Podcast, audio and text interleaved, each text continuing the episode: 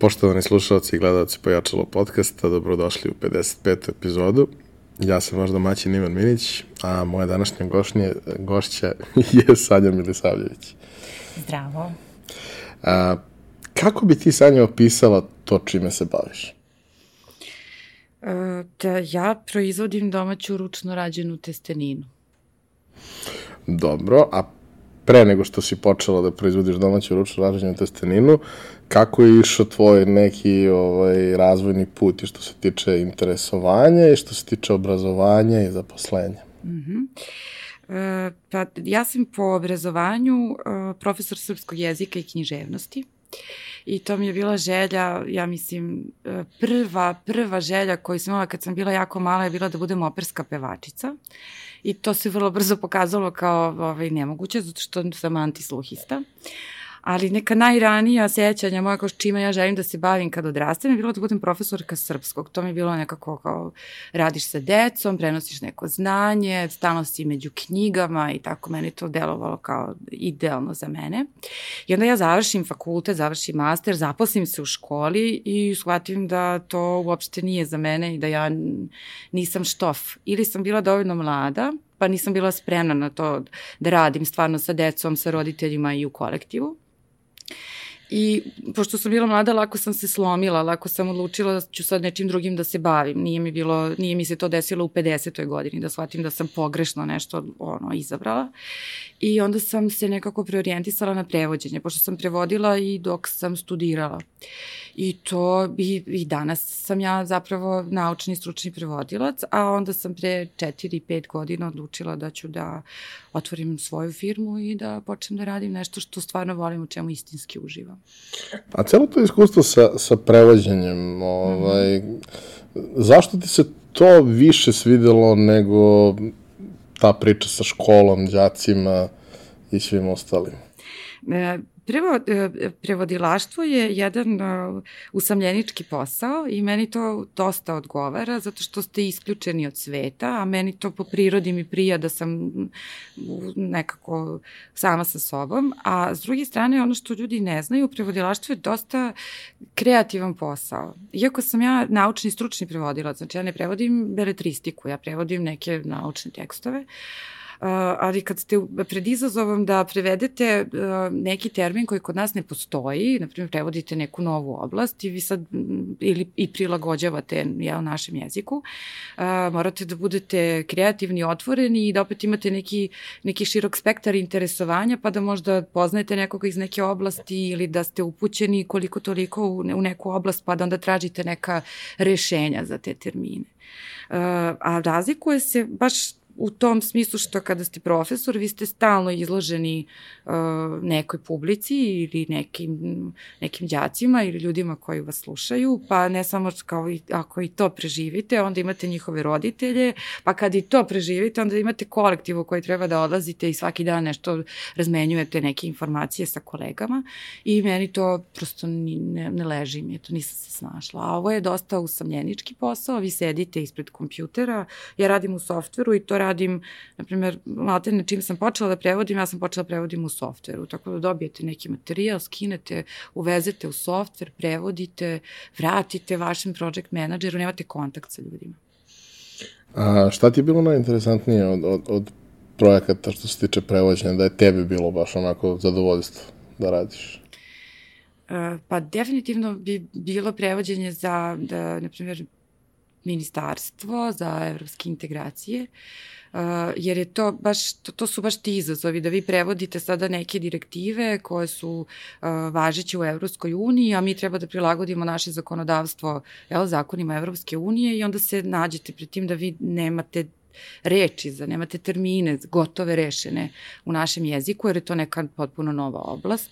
Na primjer, uvoz kunića iz trećih zemalja u Evropsku uniju i sad vi, ne znam, imamo zec i zec je zec, a sad nemamo deset nekih različitih vrsta zečeva koji inače postoje i onda vi morate da, ne znam, zovete vaše kolege koji su završili veterinu i, ne znam, pokušavate da pronađete prvo na internetu da shvatite taj termin šta znači od neki širi, um, širi kontekst. Tako da, uh, eto, to, to je možda bilo najinteresantnije, zato što to prvo izazov je, u smislu što je to jedna oblast koja je onako interesantna. Drugo, meni lično kao osobi malo nekako ne mogu kažem da laska, ali dosta je značajno kad ja mogu da kažem, ne znate šta, nešto što sam ja prevela je objavljeno u službenom glasniku. Je. Imali smo dosta tih nekih situacija ovde gde ljudi koji rade te neke virtualne poslove, ono, rade to neko vreme i uspešni su u tome i sve je to super, ali kao onog trenutka kad mogu da uh, uzmu u ruku nešto na čemu su radili, to onda drastično prosto menja odnos prema svemu. Onda kao se zapravo osjećaš kao da si stvarno nešto uradio. Jest, jeste. To je, to je ovaj, i to ima veze i sa, i sa ovim mojim sadašnjim uh, poslom. Što, prvi put kad sam videla kutiju mojih testenina u prodavnici, meni je to tad bilo kao, ha, to je to, ja konačno... Vidi kao vid... pravi proizvod. Da, kao nije samo u mojoj glavi i nije samo među mojim prijateljima i poznanicima, nego sad je to izloženo nekim drugim ljudima, mogu da probaju, vide, otvore, na kraju krajeva kupe, skuvaju, pojedu. Tako da to isto i sa i sa prevođenjem, jer mnogi tekstovi koje sam prevela završe samo za neke interne potrebe neke firme. Uh, I ja ne znam nikad ni šta se desilo dalje sa tim, a ovo je baš nešto kao konkretno sad, izašla negde objavljeno, mogu da, mogu da pročitam to sad. A uh, kada odlučuješ da kreneš ovu svoju preduzetničku priču i zbog čega? E, sad, to je naknadna pamet. Ja sad imam mnogo više odgovora nego, uh, nego što sam imala kada sam tek počela time da se bavim, jer ja sam u tom prvom trenutku samo htela da prestanem da radim u firmi u kojoj sam radila uh, i da, da otvorim svoju firmu i da se bavim nečim što stvarno volim, u čemu uživam uh, i da se oprobam u tim uh, ovaj, uh, preduzetničkim uh, vodama.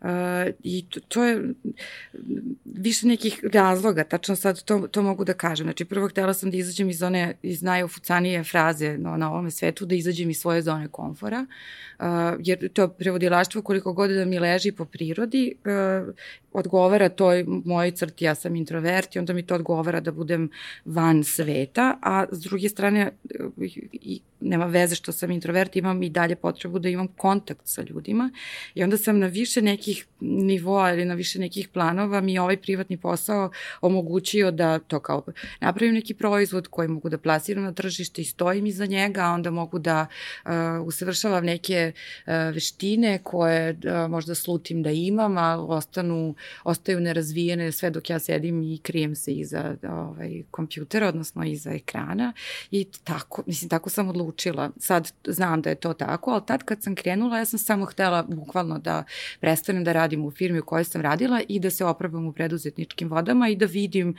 kako se ja to snalazim, jesam li ja štof za to. Mislim, imam li ja u sebi dovoljno kapaciteta da se stvarno izborim sa, sa time od, ne znam, ideje pa do stvarno plasmana proizvoda na tržište. A zašto baš testenine? E, to je e, nešto što ja znam da radim i mi smo to već, o, o tome smo već razgovarali jednom prilikom. E, kada sam počinjala i uglavnom ljudi kad počinju, oni imaju ograničene resurse. Znači vi nemate sad, a kažem resurse, onda mislim i na novac, i na vreme, i na znanje. I sad morate nekako pametno da koristite te resurse koje posjedujete. Uh, E, I pošto sam znala da hoću da, da otvorim uh, firmu, uh, razmišljala sam šta bi to moglo da bude i šta je to što ja znam da radim. Ja znam da mesim, ja znam da mesim testo, jer to je nešto što radim dugo sa mamom, sa bakom, to je nešto što se radi kod nas u porodici.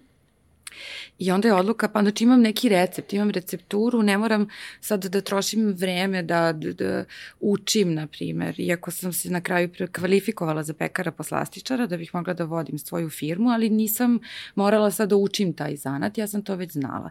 Neke stvari koje su trenutno aktualne i trendi me ne interesuju, na primjer ne mogu da budem programer ili ne mogu da se bavim tako nekim poslom, jer nemam veštine, bilo bi mi potrebno mnogo vremena i mnogo resursa da potrošim da savladam, na primjer, neki programski jezik, pa da onda budem junior, pa da nešto sad tu još dodatno učim posle u praksi. I odluka je bukvalno bila na tom nivou. Ovo znam da radim, a onda ću vreme, novac uh, i ne znam, veštine da koristim da sad učim ono što je neophodno da biste vi stvarno mogli da vodite privatni posao.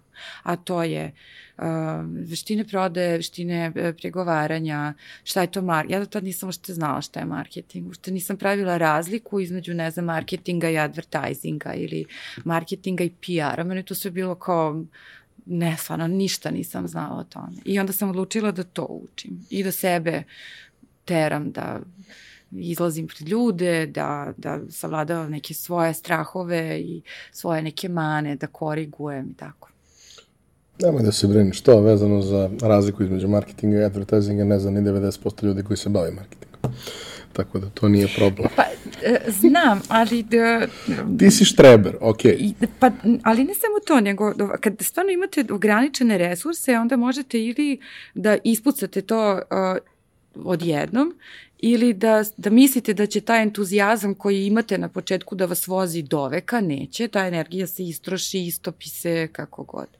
I onda sam ja stvarno sela i razmislila, ok, imam toliko novaca, imam toliko vremena, vi ne možete privatni posao da razvijete 30 godina i kao, hm, posle, na primjer, u 31. da kažete, jo, pa nije mi uspelo. Mislim, kao, hi, šta ćemo sad? Znači, stvarno, napravila sam neki plan, kao, ok, ovo znam da radim, ne moram da učim neku drugu veštinu, ne moram da sad učim da šijem, eto, ili, i onda da otvorim krojački salon, ili da, ne znam, idem na kurs za pedikira i manikira, pa da otvorim kozmetički salon. Ne, ovo znam da radim i sigurna sam u to što radim. Taj proizvod, naravno, uvek može da se doteruje i da se poboljšava, ali bazično znam da ga napravim, da je on dobrog kvaliteta, tako da odluka je bila u tom smislu jedno, jednostavnija. Znači, bolje da se usredsredim, da učim ono što stvarno ne znam, a da ovo tako izađem na tržište, pa da ovo usavršavam. Dobro. Znači, imala si dobru osnovu i sad je od te osnove trebalo doći do proizvoda, a pre nego što dođeš do proizvoda koji možeš da plasiraš, potrebno je formirati sve one ostale uslove koji su neophodni da bi to moglo da se radi. Kako je to izgledalo? Kako si ti uopšte, znaš, kad neko ulazi u neku delatnost koja je relativno neregulisana, hoće da postane preduzetnik prevodilac, ne treba mu ništa u principu. Ok, bolje će da radi ako ima odgovarajući softver i sve to, ali u principu uh, Ne treba da, može da radi iz dnevne sobe ili da, potrebno mu je kompjuter u stvari, da. Ovde je to dosta drugačije, ima gomila stvari koje treba prosto savladati i ispoštovati. Mm -hmm Sećam se, mi smo se, kolega i ja smo se čudno obukli prvi put kad smo došli kod tebe u proizvodnju i ti ljudi što prave te mantile što se koriste kad se ulaze u te proizvodnje, nisu predvideli da postoji osoba kao što sam ja, mislim, dimenzija kao što da, sam ja. Kako... To je sve zajedno dosta smešno izgledalo. Nije to bilo fenomenalno. Da, mislim, to mi je jedna domljenih slika sa, sa, sa intervjua, mojih, ja nemam mnogo slika sa intervjua na kojima sam bio, ali uh, tada smo videli zapravo da čak i jedna takva mala, mala proizvodnica zahteva niz nekih stvari koje je potrebno uraditi, pripremiti, napraviti, ozidati da, da, da, i da, tako da, dalje. Da. Kako je to teklo? E, to je ovaj, isto tako, te, teklo je uh, vrlo jednostavno, meni deluje kao da je jednostavno, uh, jer postoje, ovaj, uh, postoje u našem zakonu postoji nešto što se zove dobra proizvođačka praksa i dobra, dobra higijenska praksa i to su neki propisi koji važe za proizvođače hrane. I mene nije mrzelo, ja sam sela iščitala šta je to neophodno, šta je to što je neophodno da biste vi sad počeli da se bavite proizvodnjom, jer ja jesam u početku malo radila iz kuhinje, kad je bila ta neka prva predfaza, prego što sam zapravo otvorila zvaničnu firmu, registrovala u APR-u, da, testiranje, ja sam to radila iz, iz stana dana iz kuhinje svoje, iz dnevne sobe. I to je bilo kao nesnosno, to nije rešenje uopšte. Mislim, ne možete da živite i da proizvodite nešto u vašem stanu. Da, tako da sam ja sela, lepo iščitala šta je to što je neophodno, šta je, koji je to minimum uslova koji su neophodni da biste vi proizvodili hranu i koju plasirate na tržište, a legalno. Uh, I ja sam iščitala šta je to to, bele površine, inoks, sudopere sa dubokim dnom, duplo sudopera, mokri čvorovi, gde mora da bude ono, lavabo, šta je to, kako morate, gde morate da stavite, ne znam, ove dozatore za sapune, držače za ubruse i tako. I moja ideja je bila da ja to uradim odmah u startu Znači, kad sam već odlučila da ću time da se bavim, da ja se to odmah uradim u startu i onda smo mi stvarno, isprava sam uh, iznajmljivala jedan prostor, to je ta druga test faza, ja sam iznajmljivala jedan prostor koji je bio super sređen i ja sam i tu čak pokupila take čak i bolje nego ono što sam mogla da shvatim iz čitanja tih propisa, jer neki put su ti propisi pisani ja ne znam ko ih piše, teški su malo za razumevanje. Uh, I onda sam to, kad sam odlučila jednom da to ima smisla, da taj posao koji sam ja odlučila da se bavim ima nekog smisla, finansijskog u krajnjem slučaju, onda sam uredila svoj prostor uh, i to je to. Mislim, dovoljno da se iščitaju ti propisi to sam uradila. A druga stvar koja takođe mora da se ispoštuje i mora da se vodi računa, na primjer vi morate da se upišete u centralni registar proizvođača hrane, što deluje onako malo rogobatno i čudno, ali vi stvarno, ja sam ubeležena tamo kao u tom centralnom registru i pritom su to takse na nivou 300-400 dinara, to čak nije nešto ni skupo, mnogo je skuplje da vi opremite prostor koji ispunjava određene uslove. Najteže je u Beogradu tad bilo da se nađu one lajsne koje se lepe između između zida i poda, a koje su oble. Znači, lajsne su sve četvrtaste, a vama treba obla lajsna da biste vi to lakše mogli da čistite, odnosno da vam ne zapada prašina sitna i ne znam, u ovom slučaju brašna. Uh, I uh, I to je to, znači upišete se u taj centralni registar i krenete um, da se bavite proizvodnjom. Idealno, ja sam zvala inspekciju da dođu, za mene je nadležna poljoprivredna inspekcija, ja sam ih zvala da dođu kod mene da mi aminuju prostor i da vidim ako treba uh, nešto da se menja, šta ja mogu da neka korektivna mera da mi se ono, a, propiše, ako treba nešto da, da još uredim, doredim, doteram, fine tuning samog prostora da bi to moglo da, da ja budem sigurna da je pro, gotov proizvod koji izlazi iz radionice bude zdrav, bezbedan i tako dalje. I, na primjer, potrebno je da uh, odnesete taj proizvod na, na, na analizu da se vidi da li on, on ispunjava uh, zdravstvene i bezbednostne uslove, higijenske uslove da može da se plasira na tržište.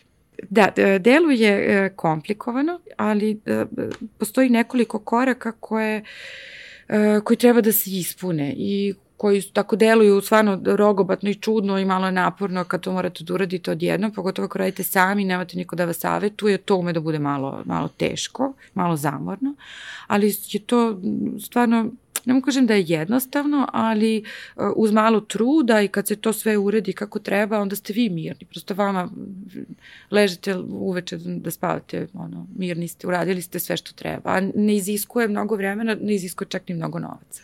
Da, ono što, što je nama bilo interesantno kad smo došli, ti si zapravo adaptirala jedan prilično mali prostor. Da. Ali je to bilo taman ono što je tebi funkcionalno bilo potrebno. Da. E, sama radionica je veličina, na primjer, 17,42 kvadratna metra, ako se ja dobro sećam. I mi kad smo ušli, to je, to je gara, ta radionica se nalazi u porodičnoj kući mojih roditelja i to je garaža mog oca bila i on je na kontrolku čak i posle nekih operacija je odlučio da više neće ništa da radi u toj garaži. Znači on bio ono prokapro nalazač pa tamo imao gomilo nekog alata i tako nekih njegovih ono izuma i čuda. I pošto je shvatio da više neće da koristi na taj način tu uh, garažu, mi smo odlučili da ćemo to da adaptiramo i ko šta sad treba da se radi, vi u tim propisima opet imate koja je minimalna visina koju prostor mora da ima da bi ispunjavao određene uslove, pa smo mi to nešto ukopavali. I onda smo, ja sam sela razmislila, uh, u glavi sam napravila taj niz kako proizvodnja ide, mislim kako, teče od trenutka kada vi unesete sirovinu u radionicu do toga dok vi zapaku, kad zapakujete proizvod gde on treba da izađe. I onda sam i čak uz pomoć jedne uh, konsultantske firme, pošto naravno ne možete sve sami. Ne, nešto što znam i što mogu sama u redu uradit ću, sebe ću do maksimuma da, da izmaltretiram, ali kad nešto ne znam, onda ne znam i onda je najbolje da u startu pitate nekog da vam pomogne i, ili da platite tu uslugu u krajnjem slučaju. Uh, I došla je ta konsultantska firma koja se inače bavi uvođenjem HCCP sistema, odnosno standarda u, u, u različite prostore. I onda su mi oni pomogli da mi to tačno, da maksimalno iskoristimo taj mali prostor, a da on bude funkcionalan i da ispunjava sve uslove. Kao ovo pregradite, ovde napravite ovo, ovde izbacite, ne znam, dovedite vodu ovde i tako. A sve što je u, u nekim granicama izvodljivog i mogućeg. I stvarno smo napravili i stvarno je tako u, u krug ide u stvari. Na jedno mesto ulaze sirovine, a na drugo mesto izlazi gotov proizvod. Tako da može, mislim, mo, mo, može to da se uradi, samo što ta radionica odgovara kapacitetima uh, moje proizvodnje i načinu moje proizvodnje. Znači, kod mene se sve radi ručno, ja nema mašine nikakve u radionici. Uh, imam jednu malu sušaru ali, na primjer, ta sušara je toliko mala, ona čak nema ni one odvode za kondens, tako da se ona isto uklapa u taj proizvodni, u taj, u, u, tu, u taj mali proizvodni prostor. A kaže mi sama, samo da kažem, oblikovanje proizvoda, rekla si da si imala i tu fazu sa testiranjem, sa prijateljima i svim ostalim koji su bili uključeni. Kako je to izgledalo? Odnosno, to je neki proizvod na kome si ti odrasla, koje si pravila i u detinstvu i tako dalje. Sad, to treba da približiš ljudima koji su navikli na industrijski proizvod mm -hmm. i kao treba da oblikuješ to šta nudiš, šta su te neke ključne vrednosti koje stoje iza toga i kao treba nekako da spakuješ i te varijante različitih ukusa, različitih, odnosno boja i tako dalje. Kao, o čemu si tu razmišljala i mm -hmm. od čega si krenula? Uh, jo, krenula sam, on, ne, ja, ja ne znam, to je to tako meni zvuči smešno, ja sam krenula od jedne, ne od nule, ja sam krenula od, od minus besko, znači ja ništa o tome nisam znala. I ti sad kad kažeš meni kao koje su to vrednosti, sad mi možemo da razgovaramo, ali to je kad sam ja kretala to da radim, nisam imala blage veze šta je to vrednost. Koja je neki proizvod, kao to je domaći, ručno se radi, nema aditive, nema soli, nema šećeri, tako, ja sam to tako bukvalno neubedljivo ljudima pričala. I onda kad sam shvatila da ja ne umem da, da sad to prenesem verbalno te vrednosti moje firme o kojoj o kojima danas mogu da pričam, ja sam tada besomučno to kuvala i davala ljudima da, da probaju. To mi je bio jedini način da, da im približim proizvod. Jer da, meni je to lako. Sad vi ako imate neki proizvod koji nije jestiv, pa vi sad morate da te vaše vrednosti pričate ljudima, komunicirate sa njima o tim vrednostima, to, to je malo nezgodno. Ovako sam ja, pošto ništa o tome nisam znala, ja sam to kuvala ili sam davala ljudima sami da kuvaju i kao evo vam probajte. E, posle toga sam učila šta je zapravo to, kako ja to treba da upakujem, kako to treba da se formuliše zapravo. I u trenutku kada se to čak meni složilo u glavi, kada sam ja posložila sebi kockice, onda je to jednostavno izašlo iz mene. Onda sam mnogo lakše pričala o tim stvarima nego tad kad sam počinjala. Tako da nema ništa da me pitaš. Taj period je za mene stvarno smešan mi je jer ja sve što sam mogla da pogrešim u startu, ja sam sve pogrešila uz svo to čitanje svih tih ovaj, priručnika i kao marketing for dummies i to, ništa to nisam znala da primenim. Mislim, jedno je, to, ja sam skupljala informacije, ali sam ih, čini mi se, možda i pogrešno primenjivala ili ih nisam uopšte primenjivala. Kakva je bila povratna informacija od ljudi? Uh, uglavnom da su ljudi, da te prve reakcije uh, su bile da to, da moja testina miriše na jaja, gde sam ja bila u pa ljudi na kilogram brašna ide 10 jaja, ne može da miriše na, na ne znam, ne, mislim, ne može da miriše na cimet, kad cimeta nema, može samo da miriše na jaja. Uh, ili kao, hm, ovo ima ukus spanaća, pa kao da, što je jedan od glavnih sastojaka ove testenine spanać. Uh, ljudi su uglavnom bili uh, taj prvi, uh, pošto vi i kad testirate hranu, vi imate tu nekoliko čula učestvuje u, u, u tom prvom nekom susretu sa hranom. Uh, I prvo im je na, na miris to kao ili miriše na jaja ili miriše na, na spanać ili na more, pošto imam i one crne. A, a onda kad probaju, i pogotovo neko ko je odrastao van grada, na primjer imao je baku, deku i tako neke tetke strine na selu, onda su svi imali tako, ja, to je ukus detinjstva jer to je nešto što se, da, to je ono što ih vraća kao, to je moja baba, pogotovo Vojvođani, kao to moja baba nasuo sa, ne znam, krompirom ili rezanci s makom i to su bile prve reakcije e, koje ja da, nisam uopšte e, ja sam se zajedno s njima oduševljavala kao da, to su i moje prve reakcije, kao to, ja sam isto odrasla, ja sam zajedno s njima bila presrećna što su oni našli sad neki ukus iz detinjstva. To je bukvalno tako vratila si me sad, ne znam, neko ko ima 30 ili 40 ili 50 godina i odavno više nema nikoga na selu i nije jeo tako domaću hranu godinama ili decenijama, kao jao, to je to.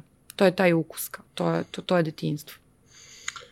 A, kada si kao spakovala proizvod i kao sad ideš da ga ponudiš, imaš online, imaš društvene mreže, ovo ono, a, kako si uopšte pristupila, da kažem, celoj prodaji. Ok, imala si kanale na društvenim mrežama koje si gradila, to je sigurno jedan značajan deo prodaje bio, ali Jeste. nije samo to bilo dovoljno.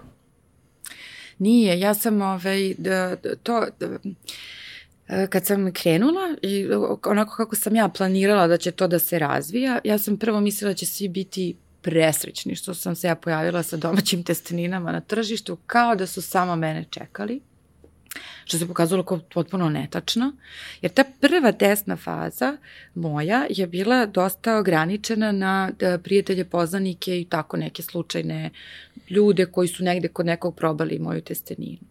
Sreća sada, da, pa postoje ovi pusti marketi i tako neki, neka okupljanja, pa vi možete stvarno više puta, čak i u toku jednog meseca da izađete i ponudite svoj proizvod i testirate ga na taj način. To tad nije bilo toliko, to tek tad počinjalo, ti marketi su tek počinjali. I onda moje prvo iskustvo, kad sam to sve upakovala, deklaracija, tablice nutritivnih vreja, sve uradila šta treba i kao ne ide prodaj, ako ništa se posebno ne dešava.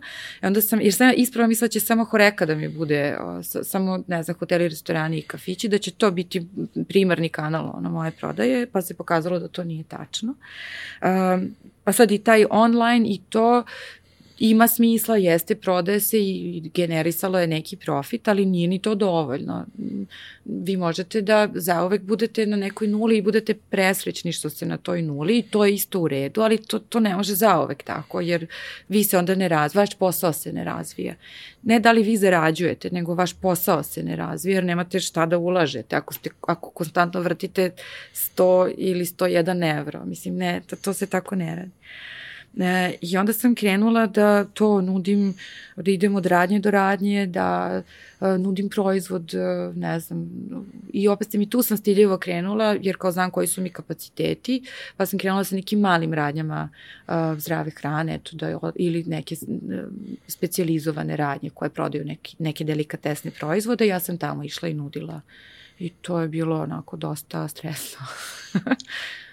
Volao bih ako možeš malo da nam ispričaš kako je to izgledalo, zato što, mislim, pozicija iz koje ti krećeš, pozicija iz koje ja negde krećem ovaj, kao introvert, nije baš idealna da uđeš u taj korak priče.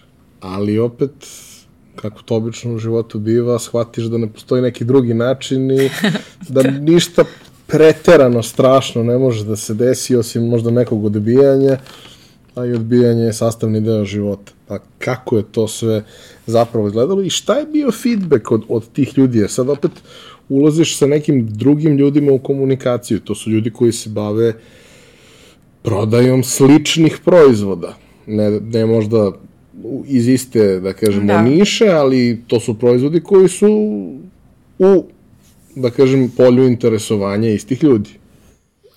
E, to je meni sve bilo jako mučno i jako mi je bilo stresno, e, jer e, e, ja mogu sa e, bliskim prijateljima da, da razgovaram o čemu god hoćete satima, ali sa nepoznatim ljudima ja kao da neki put ni dobar dan ne, ne ovem da kažem, jer me to, e, pogotovo ako da ulazite u, u neki prostor gde ne poznate ljude, gde vi sad treba da nešto uh, prezentujete. Treba da se nametnete na neki a. A, to, a nametljivi ste po prirodi samo tako, da.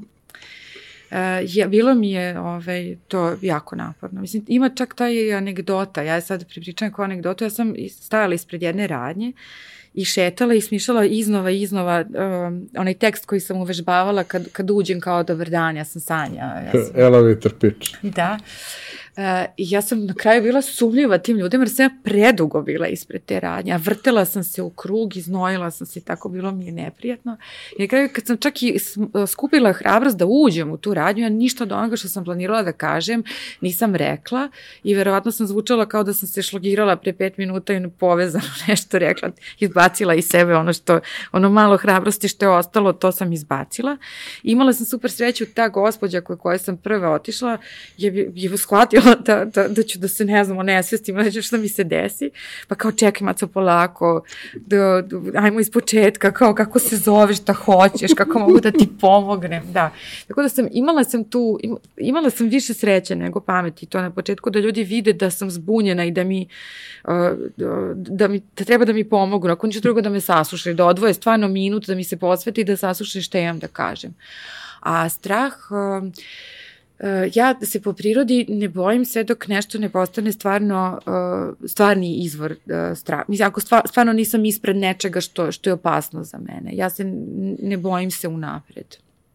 Osim što mi je nelagoda da kad treba da odem tako da ponudim proizvod. Čak mislim da bi bilo bolji prodavac za nekoga drugog jer kao ja predstavljam nekog drugog, ne predstavljam sebe, a ovde predstavljam sebe, u stvari predstavljam svoju firmu, ne, ne, mogu, ne, ne mogu da stoj, ne mogu da se sakrijem iza, ne znam, Danubijusa, nego smo, stojim ispred moje gnezdo i pričam kao moje gnezdo i prodajem kao moje gnezdo. Eto, to je, pa kao, misli, sad ume da mi bude, ovaj, sad kad sam kao već malo u treningu i kad sam već naučila i kako da, da savladam sebe i kako da savladam strah i tako, i taj d, d, kontakt sa nepoznatim ljudima ume da mi bude ovaj, naporno.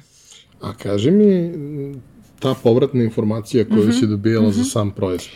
E, prvo se svi ovaj, oduševe pakovanjem, to je ono što... Logično. Da. Ove, I to, to, to baš onako, si kao, ja, koliko je lepo. Kao, I svi me uvek pitaju ko je to radio. Jer nije industrij, je, vidi se da nije neko ko je, na primjer, dugo u industrijskom dizajnu, zbog tih tako nekih detalja i finesa.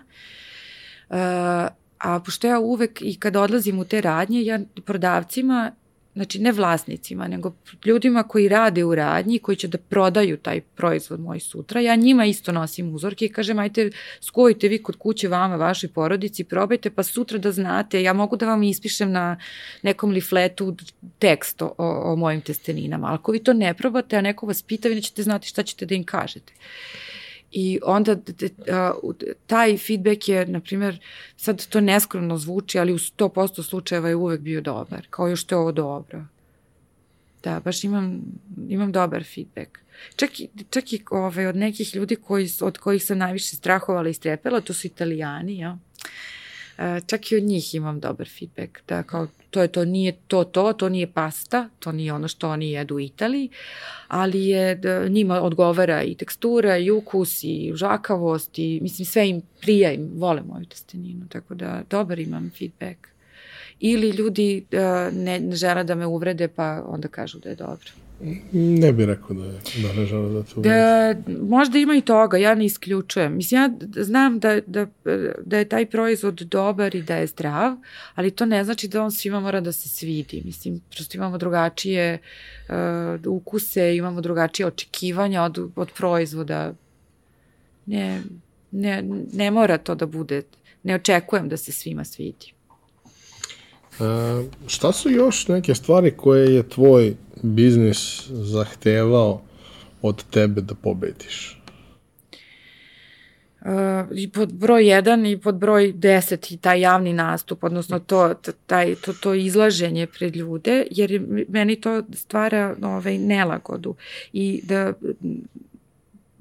sad ne samo što ljudi nekako ne shvataju da introverti nemaju ja nemam problem sa ljudima, ja samo imam problem sa e, stimulusima iz spoljnog sveta i način na koji se regenerišem jednom kada, uh, ti se sećaš kad smo bili na Webisu, ja sam tela da su nesvestim, da se istopim, ima tad, kad sam ja odrastala, bila je popularna ona serija Ellie McBeal ona se često topila u onim nekim njenim razmišljanjima, ja sam se isto, u tom trenutku sam se isto tako istopila. E, to je taj, ovaj, to je znači pod broj 1 i pod broj 10, to je to izlaženje ovaj, pred, pred ljude. E, pod broj e, nadalje, ja sam bila dosta kruta i nefleksibilna, A onda sam naučila da moram da budem dosta fleksibilna i da ne mogu da budem kruta ako hoću da uh, u nekim uh, segmentima da, kao kvalitet proizvoda tu ne mogu da budem fleksibilna, ali kada su dogovori, pregovori, razgovori, uh, neki kompromisi sa kupcima i dobavljačima, tu sam naučila da budem dosta, fle i sad sam dosta mekša i fleksibilnija. Uh, i spremnija sam, uh, lakše se odlučujem na, na, na neke ovaj, uh, korake i odluke. Uh, brže donosim odluke u krajnjem slučaju. Uh, morala sam da dosta radim na tim prodajnim uh, veštinama, zato što nije dovoljno da vi nekome kažete ja imam i tako da ja sad stojim sam uverena koji ja imam najbolji proizvod na svetu, zato što to nije prodaja. To stvarno nije prodaja. Da vi samo kažete jednu rečenicu koja u superlativu govori o vašem proizvodu. Znači, to nije prodaja, to sam morala da učim. Šta je sve to što treba da kažete da bi nešto dovelo do prodaje. I to nema veze, mislim, postoje razlike, ali u biti je isto da li prodajete na internetu ili prodajete na bazaru ili prodajete u, u marketu. Znači, prodaja je prodaja. To sam morala da naučim, te neke veštine koje uh, koje su potrebne, e onda su one samo prilagođene tome da li razgovarate sa lancem ili razgovarate sa bakom na pijaci. Uh, I uh, I to je, da, to, to su neke glavne stvari gde sam se ja dosta promenila i sad ne znam da li sam napredovala, ali sam se promenila u odnosu na to kakva sam bila pre 4-5 godina. Ja moram da podelim sa, sa slušalcima i gledalcima baš to iskustvo sa Zlatibora sa Webiza. Zato što si ti tu naravno bila prestravljena Uf. svega, a ljudi sa, koji su imali prilike da budu u publici su to, a pričao sam sa njima nakon toga i dobio sam neki sistemski feedback od ljudi kroz samu konferenciju. Ovaj, gotovo svi ti ljudi su rekli da je to bilo najbolje i najdivnije predavanje koje su čuli, zato što je bilo potpuno iskreno i autentično. I to nije bila e, priča osobe koja izlazi i priča ja sam rock zvezda i moj proizvod je rock zvezda, nego je to priča jedne normalne osobe sa kojom možeš da se identifikuješ, o tome kako je ona prevazilazila sve svoje ovaj sve da kažemo prepreke i izazove, sve svoje nedostatke kako je savlađivala kroz vreme i ljudi to vole. Mislim ti si bila i na ja mislim prvom pojačalo druženju ili možda drugom i isti je feedback bio ljudi. Ja mislim da je bilo prvo pojačalo. Mislim to kao ne znam ko je ova devojka, ali ona je najdivnija osoba na svetu i ja moram da je zagrlim. Da, to je lepo i mnogo ti hvala na tome i da, hvala ti još što si me pozvao i na, ne, na taj web i na pojačalo i sada ovde. Uh, ne znam, valjda, da, valjda se ljudi zasite od... Uh, ja znam, ja znam kako je meni kada slušam uh, nekoga i znam, uh, ne mogu uvek baš da kažem ja ovo je folirant ili ovo nije folirant, ali znam šta meni ne prija i znam šta, znam, znam šta hoću da slušam i znam koga ponovo slušam. I iznova i iznova. I nikad ne može da mi bude dosadan. Bez obzira što mogu da pratim te ljude i vidim kako su se razvijali i sticali neke veštine i sada drugačije možda posmatraju neke stvari pa drugačije onda i prezentuju neke stvari.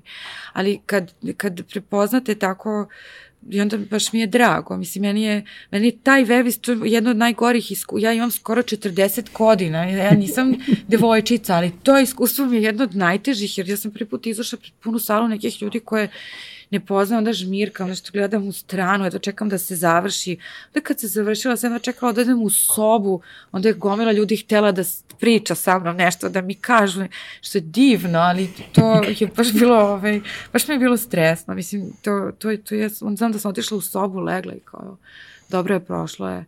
Ali, valjda, šta znam, ja i sad kad me neko, kad me neko otvoren, dovoljno otvoreno pita, ja ću dovoljno otvoreno da mu dam odgovor. Sad već znam ako, znam da prepoznam kad je neko pitanje skriveno ili znam da, da pročitam kontekst pitanja, pa onda znam i da prilagodim odgovor, ali kad god me neko nešto iskreno pitam, ja ću uvek instinktivno iskreno da mu odgovorim. E, taj web je bio jedno od tvojih prvih iskustava tog tipa a od tad na ovamo ih je bilo mnogo. Jeste. Šta ti, da kažem, izdvajaš kao, kao najzanimljivije u svemu tome? Uh, u kom smislu najzanimljivije? U nekom tvom ličnom doživljaju, znaš, šta su, šta su neke zanimljive stvari koje si ti čula od drugih ljudi mm -hmm. na mhm. takvim događajima, gde si ti dobila neku vrednost kao feedback mm -hmm. na takvim događajima, gde si sve cool bila, da kažem što se tiče konferencija i tih vrsta dešavanja, mm -hmm. a mhm. posle ćemo i u onom ostalom koje je neko stručno usavršavanje, mm -hmm. kažem, u oblasti kulinarstva, Da. ali kao ti neki tvoji i javni nastupi i učešća na uh, panelima, diskusijama, šta ti je to donalo? Uh, prvo, na primjer, ja volim, uh, ja jako volim Webis i volim, na primjer, vaše pojačalo druženja, uh, zato što da, da se bave preduzetništvom uh, na jedan način koji je neophodan. Znači, neko mora time da se bavi kod nas, jer mi tek ulazimo, mi tek učimo šta je preduzetništvo, i treba to da savladamo u najkraćem mogućem vremenu i da prebolimo sve dečije bolesti koje je preduzetništvo, jer mi, mi prihvatamo to zapad, taj, taj zapadni model preduzetništva. I, na primjer, ja volim Webiz i pojačalo da što oni približavaju nama, početnicima, uh, kako to treba da se radi, uh, donose nam nove teme, za razmišljanje i uh, govore o stvarima koje su bitne to tipa šta je digitalni marketing, šta je digitalizacija, na primjer, kako da izlazimo na tržište koje je, uh, pogotovo ako ste usluga. Znači ja kao proizvod imam malo neke drugačije barijere.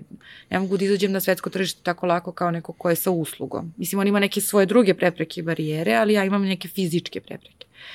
Uh, to volim, onda Uh, to je nešto što bih ovako možda e-commerce isto ima do, dobre, ovaj, dobre konferencije, u stvari dobru konferenciju. To je nešto što bih izdvojila kod nas, uh, što meni znači što ja posećujem. Zato što prvo sretnete ljude uh, koje svi, zbog nedostatka vremena ne možete da srećete sa stalno po nekim kafama i onda dobijete u 45 minuta koliko traje njihov, njihovo predstavljanje ili koliko učestvuju u nekoj panel diskusiji, a pogotovo što posto imate priliku da im postavite pitanja. Uh, pa je na vama koliko ćete da izvučete iz njih, znači možete da čujete nešto novo, nešto se dešava u inostranstvu i što možete primenite, praktično možete primenite u vašem poslovanju.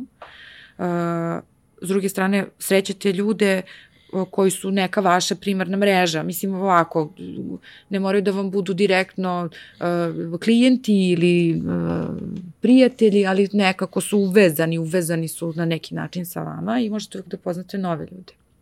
Zbog toga volim da odlazim na ta uh, druženja. Uh, čak uh, mi je zgodno sad uh, neki sajt, ne mogu setim koji, koji sajt to radi, on izbaci onu godišnju listu događaja, pa vi možete unapred da znate kad se šta dešava i kako da prilagodite vaše vreme onome što će biti aktuelno tokom naredne godine. Eto, to, to, to bih izdvojila. To je za ove što planiraju dovoljno napred, pa znaju kad, kad će događaj da im se dešava u toku godine. Mi obično to znamo mesec dana pred, ali dobro, naši događaji su mali. Pa dobro, nisu ni vaši, da, znaš šta, pojačalo je da prevazišlo sebe vrlo brzo, mislim, posle nekoliko tih druženja, mada ih nema ni mnogo, ali posle prvog ili drugog druženja, ja znam, sećam se, ljudi su stajali, znači, Amerikana je bila uh, nedovoljna, Ljudi su stajali, dobrovoljno su stajali dva i po sata i slušali nekog uh, ko je došao nešto da kaže pametno. Ja stalno kažem da nas plate čudni ljudi, da nije, generalno upoznajemo uglavnom čudne ljude. Pa znaš, niko neće ni u autobusu da stoji duže od 15 minuta, kamo li sad negde u nekoj sali zatvoreno i da svako stoji dva i po sata sluša nekoga, mislim, to je stvarno, znači i vi ste vrlo brzo, tako da niste vi mali, vi ste možda mali, zato što, ne znam, je ma, možda mala naša cena, ali niste vi mali ni po značaju koji dajete toj sceni, a ni po broju ljudi koji, koji vas prati. Uh, jedna od stvari koje si ti takođe krenula da radiš je da učestvuješ u raznim vrstama uh, programa razmene mm -hmm. i na taj način si imala prilike da vidiš razna neka tržišta, neke zanimljive sajmove, neke zanimljive edukacije. Ovaj, si, si. Volao bih da podeliš prvo kako si došla do toga, a onda i šta je to za tebe značilo, zato što kao, znaš, došli smo u situaciju da Mislim, možda će ta moja percepcija da bude pogrešna, ali došli smo u situaciju da postoji jedan sloj ljudi koji ne razmišlja samo o goloj egzistenciji mm -hmm. i ti ljudi su negde opredeljeni sada ka kvalitetnim proizvodima, to obično ima neki predznak deli, kraft, nešto da, tako, da, da, ali da, u suštini da, da, zanatska neka proizvodnja i sad što je više toga, to je više proizvoda u svemu tome. Pre pet godina nisi imao ni zanatsko pivo, imao si samo da kažeš vina, nisu bila zanatska, ali Domaća, imao si te da, kao, kao da, pro, da, male da. proizvodnje, ovo ono. A sada imaš bukvalno u skoro svakoj oblasti to i ti biznisi uspevaju da opstanu. Oni nisu, nisu to milionske proizvodnje, ni hleba, ni kolača, ni piva, ni bilo čega drugog, ali sasvim lepo uspevaju da opstanu. E sad, kao mi smo neko ko odreaguje otprilike 20 godina iza razvijenih tržišta na to. Da. A ti si imala prilike da vidiš kako to izgleda tamo. Dakle, kako si došla do tih prilika i gde si sve bila i šta si sad? Joj, što sve nisam saznala, sad sam uh, sela i uh, ja sam ovu godinu, ovu kalendarsku godinu uh, više provela u, na putu i u vazduhu nego na zemlji i u Srbiji. Uh, I krenula sam da pravim rekapitulaciju šta je to što sam naučila, gde sam sve bila, šta sam sve videla i šta, šta, koje su super stvari koje sam naučila. I stigla sam, na primjer, do marta meseca ove godine. Neverovatno, da. Prvo, imam, imam tu super imala sam super sreću. Eto, ne, ne mogu da kažem uh, da nema... Uh, Ne, ne znam šta je drugo razlog. Ili sam bila na pravo mesto u pravo vreme, uh, ili sam tražila na pravim uh, adresama uh, pomoć ili sam se pojavljivala na pravim, ne, ne znam, verovatno splet nekih okolnosti je doveo do toga za nešto. Za nešto sam sedela i pretraživala po internetu, pretražujući po ključnim rečima ono što meni treba. Mislim, ba, baš bukvalno klasična pretraga kao, kao što sam bila na Siciliji. To je bio moj lični uh, izbor. Nije, nije me nije to posledica nekih poznanstava ili posledica odlaska mojih negde ili prodaja mog proizvoda u nekom marketu, nego to, to sam baš sama našla. A a t, t, mislim da ti je možda najinteresantnije onaj moj odlazak po Ameriku prošle godine. Ja sam prošle godine a, bila na a, velikom sajmu prehrambene industrije a, u Njujorku. Uh, on se dva puta godišnje održava, ima, ima letnja i zimska varijanta. Ja sam Bogu hvala bila u toku leta, zimu ne volim.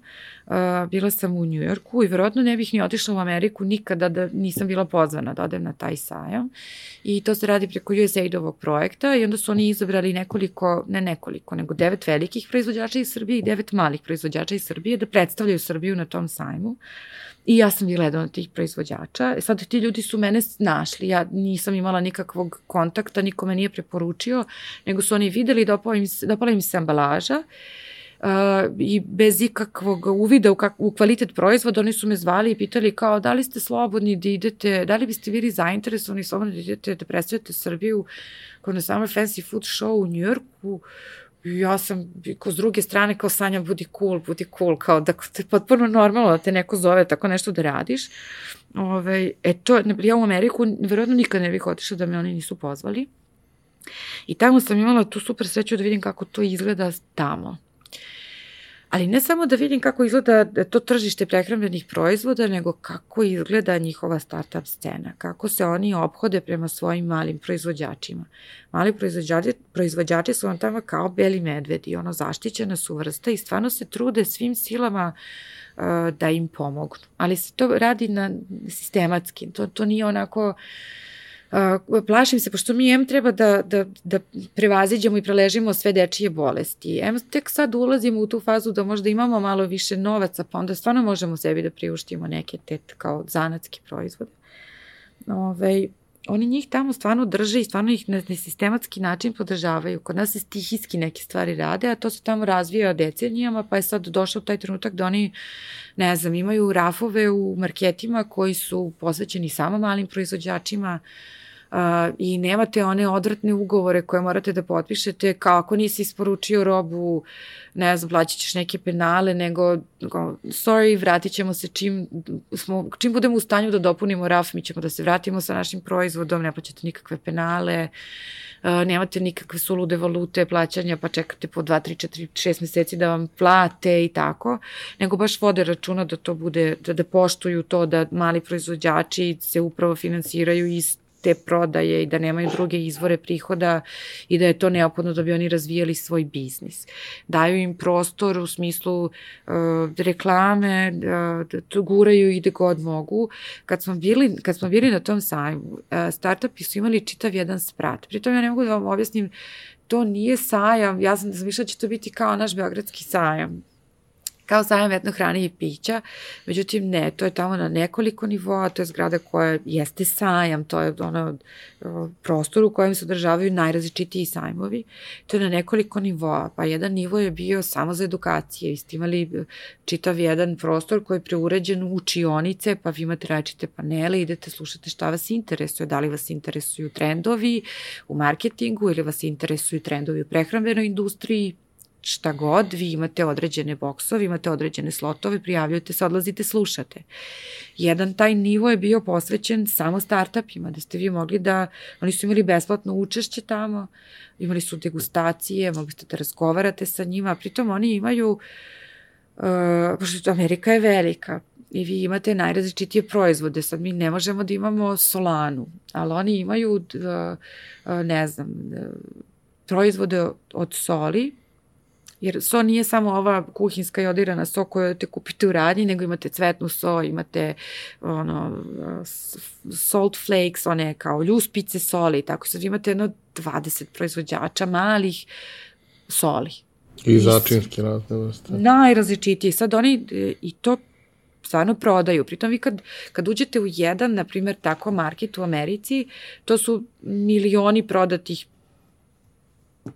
pojedinačnih proizvoda, jer je to ogromno tržište. Mene nije mrzilo, ja sam jedan dan stajala ispred Whole Foods marketa i gledala kako, šta oni rade, kako se oni ponašaju.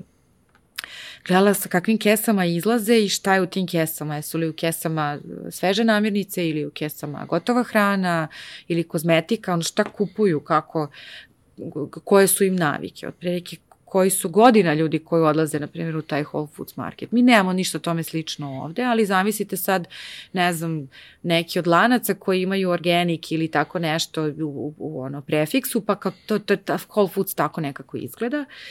Uh, I to su velike količine, u tih sat vremena ja mislim da je tona hrane izašla iz, iz te radnje. Eto, to je, uh, i to mi je, na primjer, pomoglo da vidim gde sam ja, da se uh, odmerim prema uh, tržištu na koje sam tako smaštala da ću da izađem. Ja sam maštala da ću izaći, zanosila sam se da ću izaći na to američko tržište, pa sam se tako surovo me spustila na zemlju, to što sam tamo videla, jer u tih sat vremena izašla tona hrane, ja tonu ne mogu da proizvedem za godinu dana. Uh, i uh, da, vi vidite na koji, na, kakva je dinamika njihovih potrošača. Eto, to mi je pomoglo da, na primjer, steknem uvid u to kako će se kod nas stvari razvijati. Jer i kod nas će verovatno to doći jednog dana i mi ćemo jednog dana biti to klasično potrošačko društvo u tom zapadnom smislu. Mi sad nismo, nismo finansijski toliko jaki da možemo tako da se ponašamo, ali to će doći i kod nas. Eto, na primjer, ti neki uvidi u to ponašanje ljudi, šta kupuju, na koji način kupuju, pa čak i do toga kako plaćaju, kako se vrši prodaja. Znate, vi tamo imate,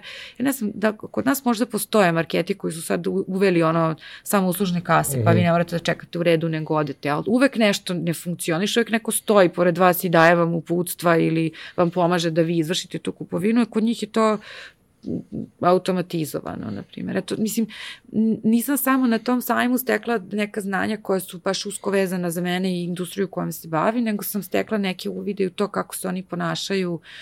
Tamo sam na nekim od tih panela slušala Uh, kao mi stalno, mi dalje pričamo o milenijalcima, što milenijalci više uopšte nisu nikakva deca, milenijalci su sada deca koji imaju decu, A mi dalje nešto imamo, kao da smo ostali na tom nivou da pričamo o milenijalcima, a sad imate potpuno nove generacije uh, dece koja stasavaju, koja će sutradan biti vaši, na primjer, kupci, klijenti ili korisnici vaših usluga. Tako da, eto, taj, taj put u Ameriku mi je i privatno, znači, značio, prvi put sam otišla tamo, prvi put sam se susrela sa, sa tako, ne, tako nekim svetom, u smislu sve je drugačije od onoga kako izgleda stara gospođa Evropa. I sve skupo Jo, jeste. E, ja sam se, znači, častila sam se jednom, otišla sam sa još jednom prijateljicom koja takođe e, bila u toj istoj grupi, kao idemo, otišli u malu Italiju, u Njujorku i sa kao, ja ne znam šta smo mi zamišljali, da smo u nekom filmu, očigledno. Kao naručili smo, htjeli smo mi da naručimo neke bifteke i ludila, da smo tako vrlo brzo svele se na jednu picu i flašu vina, kao to sigurno možemo da platimo i to sigurno možemo da pojedemo i popijemo. Tako da, ovaj, tako je izgledao moj Kerry, moja kraka Kerry Bradshaw epizoda u Njujorku, jer je stvarno sve skupo. Mislim, tamo ako hoćete da se, možete da se hranite kvalitetno, ali to stvarno košta. Dakle, mi smo, mi treba da budemo presrećni i zahvalni, vi možete da, danas da odete u neku kafanu u, u, i u Beogradu i da za vrlo pristojne novce jedete delikatese. Ono. No, mislim, nije cela Amerika New York? Ne, cela Amerika uopšte nije, New York nije cela Amerika u stvari, to nema veze, jer ovo moje drugo putovanje u Ameriku mi je pokazalo malo jednu drugačiju Ameriku, jer sam imala priliku da uh, Uh, posetim, ne znam, i Kansas City, i Minneapolis, i Charlotte, i, i Washington, da vidim da druge neke gradove, da vidim kako, kako tamo funkcioniše um, ne samo institucije, ne samo, ne znam, hubovi ili univerziteti, nego kako izgleda svakodnevni život. I onda su on, neki od onih uh, predrasuda koje, koje sam imala u Americi se pokazale kao istinite, a su opet i razbili su mi mnoge predrasude koje sam imala o, o njima, da. A tvoje najduže putovanje? Uh, veritba je dugo trajala, da. Ove, ovaj, da moje najduže putovanje, moje najduže odsustovanje od kuće uh, E, to je bilo tih deset nedelja provedenih na Siciliji e, krajem prošle i početkom ove godine gde sam ja, e, to sam otišla preko programa, sem, sem da kažem naravno, to je program Erasmus za mlade preduzetnike. I ja sam čula za taj program pre nekoliko godina, ali sam bila ubeđena da je to kao za mlade preduzetnike i da je to za neke mlade ljude, a ja sam to čula kad sam imala 36 godine, kao pa to Sanja nije za tebe. Mislim, koliko sam ja sebe diskvalifikovala nisam se ni raspitala. Znači, nisam nikog ni pitala šta to stvarno znači. Kao ne, ti si matora za to.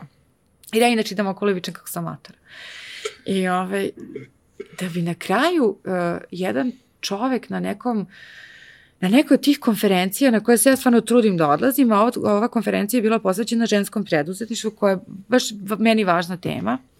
Uh, I on je rekao na ključnu stvar da je to za firme koje su do tri godina stare. Znači, startup firme koje postoje tri godine. Pa da li si ti nju osnovao sa 60 ili si ti nju osnovao sa 20 godina, ti si u očima sistema mlad preduzetnik, jer kao prvi put se susrećeš sa nečim. I ja kao, aha, tako, vaši. Onda zabodem nogu u ta vrata i krenem da kopam I prvo, i, i da, nije mi još te polazilo za rukom, zato što je kontakt point u tom trenutku bio Novi Sad ili, ja mislim, Kragujevac. I onda ne mogu da dođem do tih ljudi, zovem na neke telefone, niko mi se ne javlja. To je kod da zovete upravu vodovoda, nema šanse, piši mailove, niko ne odgovara. I ja tako kopaj, kopaj, kopaj, onda shvatim da se otvorila kancelarija u Beogradu. Ja rekao, ovde ne mogu da me, ovde mogu lično da se pojavim i šta da se desi, desit će se. Ja stvarno odem, uh, oni mi pomognu, tamo mi otvorimo moj profil na tom portalu uh, i tu krete, krene opet moja pretraga, onda niko neće da vas primi. Zato što ja sam htela isprava da idem u Mađarsku, jer ono što se malo zna, italijani jesu napravili brend od paste, ali najveći proizvođači, proizvođači testenina u Evropi su Mađari i Slovenci i oni imaju top tehnologiju, imaju dobre sirovine i mislim od njih možete da naučite i hajde. I neće da me prime mađari. Aj reku, dobro, zbog jezika možda je i razumljivo što neće da me prime, ali koga će onda da prime? Mislim, ko još govori mađarski u Evropi? Niko. Ali nema veze, ajde. Neće ni Slovenci da me prime. I hoće da me primi taj dečko sa Sicilije, on inače ima farmu i bave se uh, proizvodnjom, uzgojem, vo, uh, uzgojem uh, vinove loze i voća. Uh, i proizvodnjom vina i toga što bismo mi nešto kao zimnica, ali zimnica na sicilijanski način znači ne znam, sok od nara ili sušeni paradajz, maslinovo ulje i tako neki delikatesi. I njegov jedini uslov je bio da osoba koja dolaze na njegovu farmu voli da pije vino. Jer kao, bože, šta će na farmi neko ko neće pije vino, rekao, ta sam. I ja ću da idem kod njega. I sad ja njemu pisala, on meni odgovorio, mi se složili, napravili neki plan, koje su aktivnosti, šta mi tu treba da radimo, ja sam otišla tamo i boga mi uh, isprva mislila da sam, da sam napravila najveću grešku na svetu, jer tamo se ne da se ne govori italijanski, nego tamo se govori sicilijanski, oni su potpuno drugačiji ljudi, drugačiji su naravi, sve ono što sam ja mislila da ću tamo da radim, nisam, zato što vi kad odete tamo, vi ste stranac, ja ne govorim jezik, znači što ne govorim italijanski, nego, nego govorim njihovim lokalnim dijalektom sicilijanskog, pa uči jezik, pa onda gledaj. Oni su me bacili u vatru, oni imaju goste tamo na toj farmi, imaju B&B i kuvaju hranu za ljude koji spavaju kod njih. I bilo je kao, e, dolazi nam velika grupa od 12 na večeru, kao Sanja spremaš za njih. Kako, što, kako ću ja da spremam? Mislim, treba da odem u nabavku sirovina, ja ne znam kako da tražim vodu, ne znam kako se zovu te stvari. Kao, snađi se, evo ti kuvar, imaš Google Translate, kao, izgledaš tako pametno, kako si toliko pametna, snađi se. I stvarno, to mi je bilo, e, tad sam se pokajala, kao, šta će meni ovo u životu? Kao, šta meni ovo treba?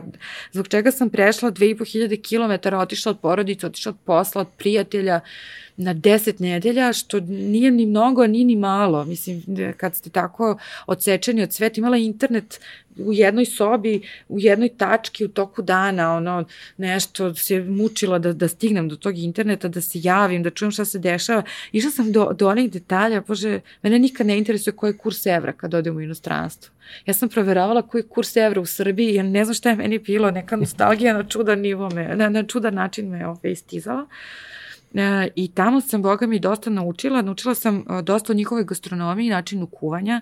Naučila sam jezik, naučila sam svađam na sicilijanskom e, i naučila sam te tradicionalne tehnike izrade testenina jer uh, oni tamo su da, ili lenji pa koriste isključivo industrijsku pastu ili sami proizvode svoju, ali onda ne koriste nikakve mašine, nego se sve radi rukama. I to mi je, na, to me, na primjer, dosta. Ti si me, jedno od prvih pitanja je bilo kao kako si se promenila. Tu sam se, tu sam, tu sam najviše omekšala. Uh, I tu sve ono što sam mislila da ne može, sve može. Znači, mogu i da se ne kupam svaki dan, mogu i da, da, da sedim u kuhinji da 14 sati od ljuštranja, ljuštranja krompira do, do kuvanja i smenja, posluživanja, sve mogu. Znači, bukvalno sve mogu. I, I ne što sam ja lenja ili neću, nego što ne znam da nešto mogu. Ali sve svemu i to iskustvo je bilo sjajno. Fenomenalno. Išla sam ja ponovo, ali posle toga sam išla uh, da ja njima držim radionici izrade testenina. I provela sam dve nedelje tamo.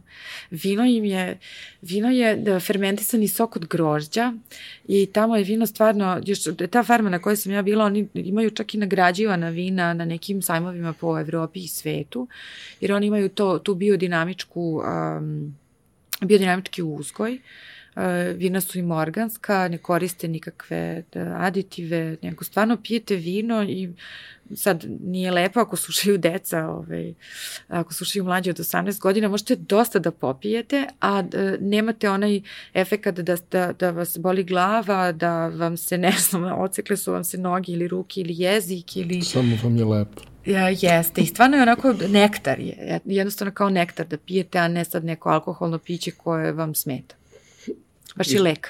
Šta su tebi ta iskustva donela sad kada se vratiš u svoju malu proizvodnju, na uh mhm. -huh. svoj proizvod? Šta ti je to iskustvo donelo u smislu kao kako je to promenilo tvoju priču, kako je to promenilo tvoje planove?